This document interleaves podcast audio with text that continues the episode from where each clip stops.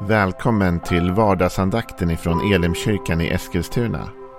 Det här är en podcast som kommer ut måndagar till fredagar.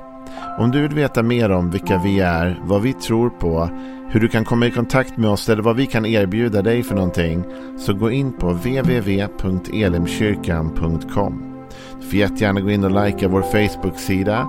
Det är facebook.com elimeskilstuna. Eller så söker du upp oss på YouTube och då söker du på Elimkyrkan Eskilstuna. Vi vill jättegärna komma i kontakt med dig. Men nu lyssnar vi till dagens andakt. Välkommen till vardagsandakten. Det är fredag och vi håller på att avrunda den andra veckan av vardagsandakten sedan sommaruppehållet. Kan ju vara lördag, kan ju vara söndag också, beror på när du lyssnar på den här podden.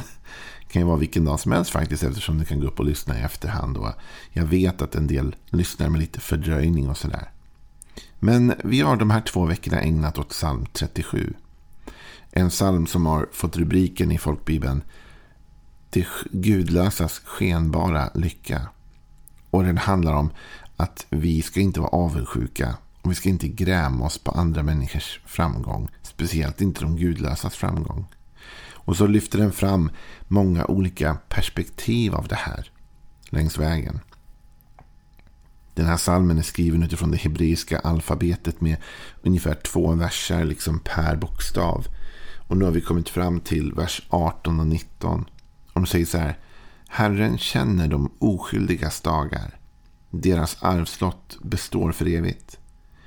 De behöver inte skämmas i onda tider och i hungerns dagar blir de mättade.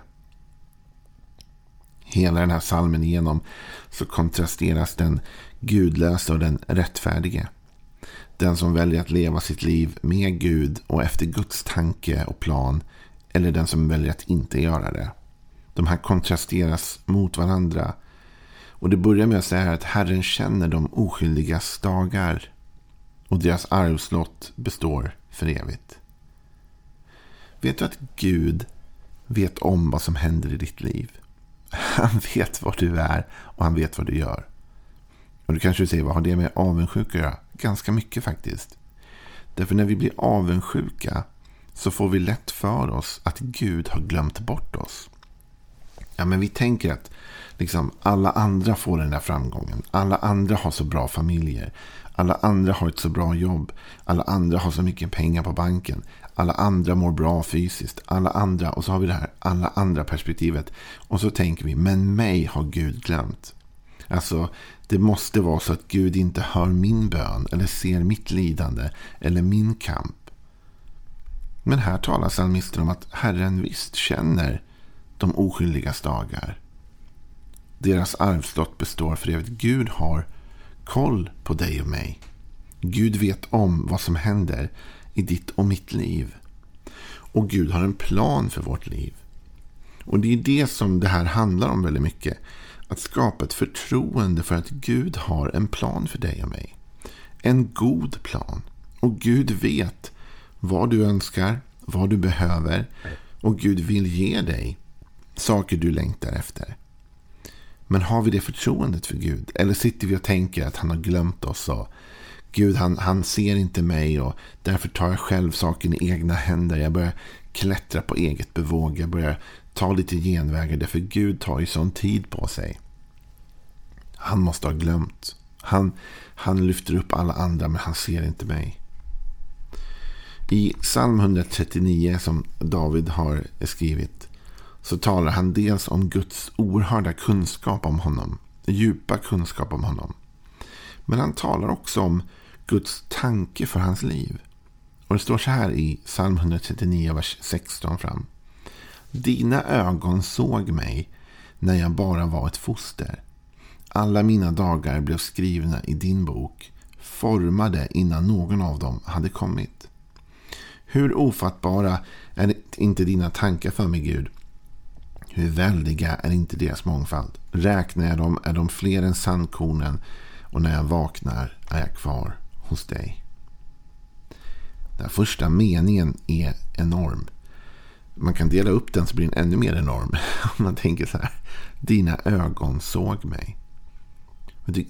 David talar om att Gud är medveten om honom. Att Gud har sett och ser honom. Dina ögon såg mig när jag bara var ett foster. Alltså till och med från det att jag var liten Gud. Du har haft ögonen på mig ända från det att jag låg i min mammas mage. Du har vetat om mig, du känner mig och du har en plan för mitt liv. Mina dagar har blivit skrivna i din bok redan innan de kom Gud.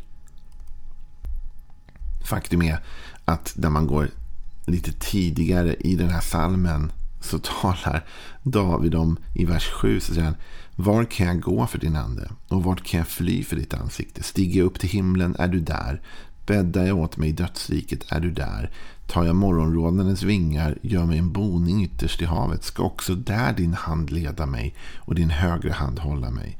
Säger jag, låt mörker täcka mig och ljuset bli natt omkring mig, så är inte mörkret mörkt för dig och natten lyser som daget och mörkret är som ljuset.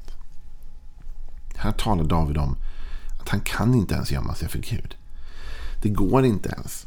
Var han än tar vägen och vad han än gör så är Gud medveten om honom och ser honom.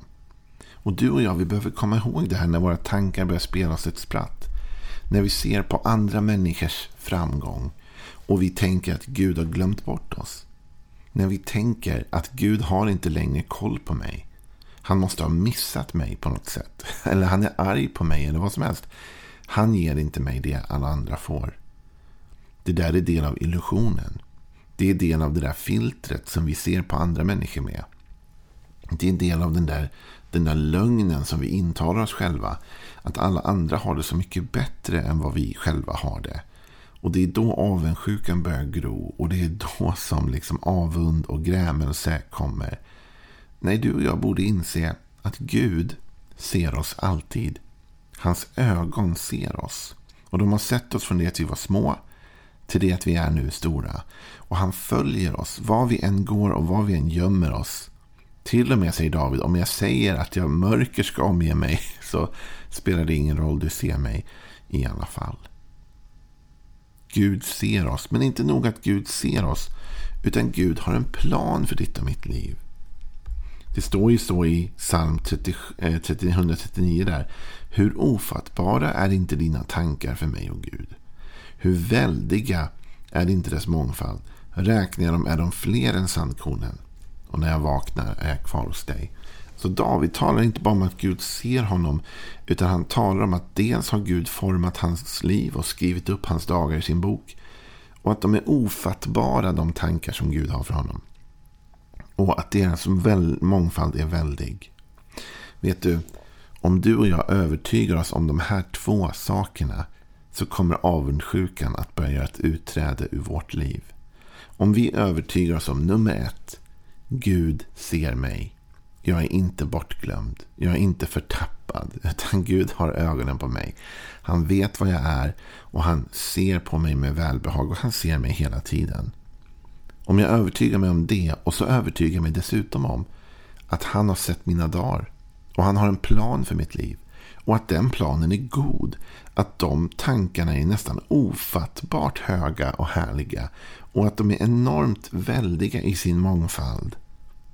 Då börjar avundsjukan försvinna lite för jag vet att om jag inte tycker att jag är det jag ska vara än. Så vet jag nummer ett, Gud har koll på det. Och nummer två, Gud har en plan för mig. Och den planen är god. Och den planen är att föra mig dit där jag behöver vara i livet. Det är därför så mycket av detta handlar om tillit och förtröstan på Gud. Att jobba mot avundsjukan är att bygga upp förtroendet mot Gud.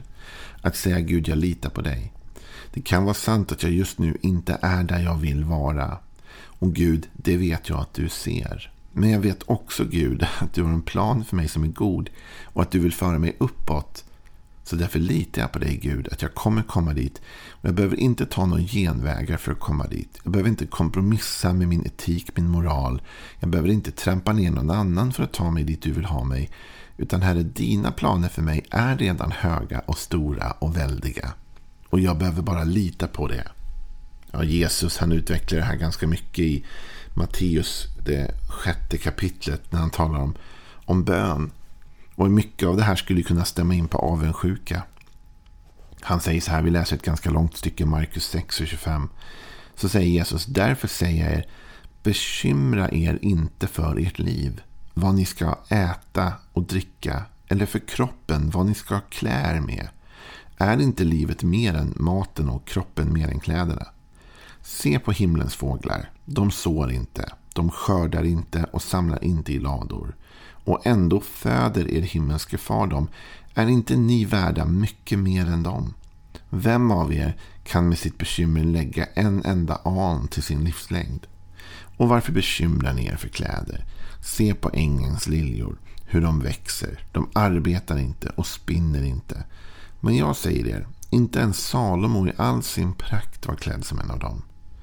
Om nu Gud ger sådana kläder åt gräset, som idag står på ängen och imorgon kastas i ugnen, hur mycket mer ska han då inte klä er, så lite tro ni har? Bekymra er därför inte och fråga inte vad ska vi äta eller vad ska vi dricka eller vad ska vi klä oss med. Allt detta söker hedningarna efter. Men er himmelske far vet att ni behöver allt detta. Nej, sök först Guds rike och hans rättfärdighet så ska ni få allt det andra också. Bekymra er alltså inte för morgondagen. För morgondagen bär sitt eget bekymmer. Var dag har nog av sin egen plåga. Lyssna. Gud har ingenting emot att du äter eller klär dig eller har det gott. Utan han säger, er himmelske far vet att ni behöver allt detta. Han vet att ni behöver kläderna, maten. Han vet att ni behöver det goda. Han vet ju vilka drömmar och visioner han har lagt i dig, eller hur? Men din och min uppgift är inte att sträva efter detta på egen hand. Eller avundas detta eller gräma oss över det vi inte har. Utan din och min uppgift är att först söka Guds rike och hans rättfärdighet. Då kommer allt det andra också. Så du och jag, vår uppgift är att vandra med Gud. Det borde vara vårt fokus. Och då säger Jesus att när ni vandrar med Gud, då kommer ni se att allt det andra faller på plats när tiden är inne. För Gud vet vad ni behöver och vill ge er det goda. Ja, men vill han verkligen ge mig mina drömmar? Vill han verkligen ge mig det jag längtar efter? Vet du, Jesus sa så här. Att om ni som är onda förstår att ge era barn goda gåvor. Hur mycket mer ska inte Gud ge det som är gott åt den som älskar honom? Vet du, Gud vill ge dig det goda. Jag vill ge mina barn det bästa. Om jag fick välja skulle de ha det bästa av allt. För att jag gärna skämmer bort mina barn på det sättet. Men Gud, han är ännu godare än vad jag är. Där jag brister, brister han inte. Och, och Gud vill ge dig och mig det bästa. Men han vill också att vi ska lita på honom. Så när vi blir avundsjuka och när vi grämer oss över vad andra har. Vad vi egentligen säger till Gud är det här Gud. Jag litar inte på att du kan ge mig det där. Och därför sörjer jag. Men den inställningen borde vi inte ha. Utan när vi ser något vi vill ha, när vi blir avundsjuka på någon, när vi ser vad andra har, då borde vi säga så här. Gud, det där är något jag skulle vilja ha. Och Gud, du vet vad jag är just nu, du vet att jag är inte där nu. Men jag vet att du ser mig. Och jag vet Gud att du har goda planer för mitt liv. Och jag vet att du kan föra mig till den här platsen. Jag litar på dig. Om vi säger så och vi lägger vår tillit till Gud, då, ger vi, tar vi bort udden från avundsjukan och dess gift in i vårt liv. Psalm 37, när han hade sagt Herren känner de oskyldigas dagar. Deras arvslott består för evigt. Med andra ord, det kommer ett arv, det kommer en belöning. Ta det lugnt, den är på gång. Och när den kommer, då säger han i vers 19, då behöver du inte skämmas i onda tider. Och i hungerns dagar blir du, eller de mättade. Du vet, när, när vi får den belöningen av Gud, när vi kliver in i det som han har förberett. Sen den dagen vi föddes har han planerat ut vårt liv och han har en väg för oss som leder till det goda. När vi kommer dit, då behöver vi inte ha dåligt samvete. Vi har vandrat med Herren dit och vi har bevarat vår integritet, vi har bevarat våra värderingar. Men om vi börjar ta genvägar och vi börjar sälja ut vår tro och vi börjar sälja ut andra människor för att snabbare ta oss dit vi vill därför att vi tror att Gud har glömt oss. Då när vi väl kommer dit så kan det hända att vi skäms. Att vi känner att okej, okay, nu nådde jag toppen men oh, vad jag behövt göra för att komma hit. Och vad jag har behövt såra andra människor för att ta mig hit. Jag har tryckt ner andra, jag har gjort saker jag ångrar. Men den som vandrar med Herren behöver inte ångra någonting. Utan den låter Herren föra en dit man ska i rätt tid. Så när vi går in i helgen så vill jag att du ska ta med dig de här två tankarna in i helgen. Nummer ett. Gud ser dig. Han har sett dig hela ditt liv och han har inte glömt dig. Du är inte bortglömd. Du är inte utanför hans goda vilja. Utan Gud ser dig. Och nummer två. Gud vill ge dig det goda. Han har ditt liv planerat och han har planerat goda saker för dig. Tankar som är mycket högre än du och jag ens kan greppa. Och har mycket större mångfald än vi ens kan tänka ut. Det är vad Gud vill ge dig. Så lita i det. När de tankarna under helgen så kommer du känna att avundsjukans klor släpper sitt grepp. För du vet att Gud har koll på dig och han kommer ta dig dit du ska. Ha en välsignad helg. På måndag är vi tillbaka igen. Hej då.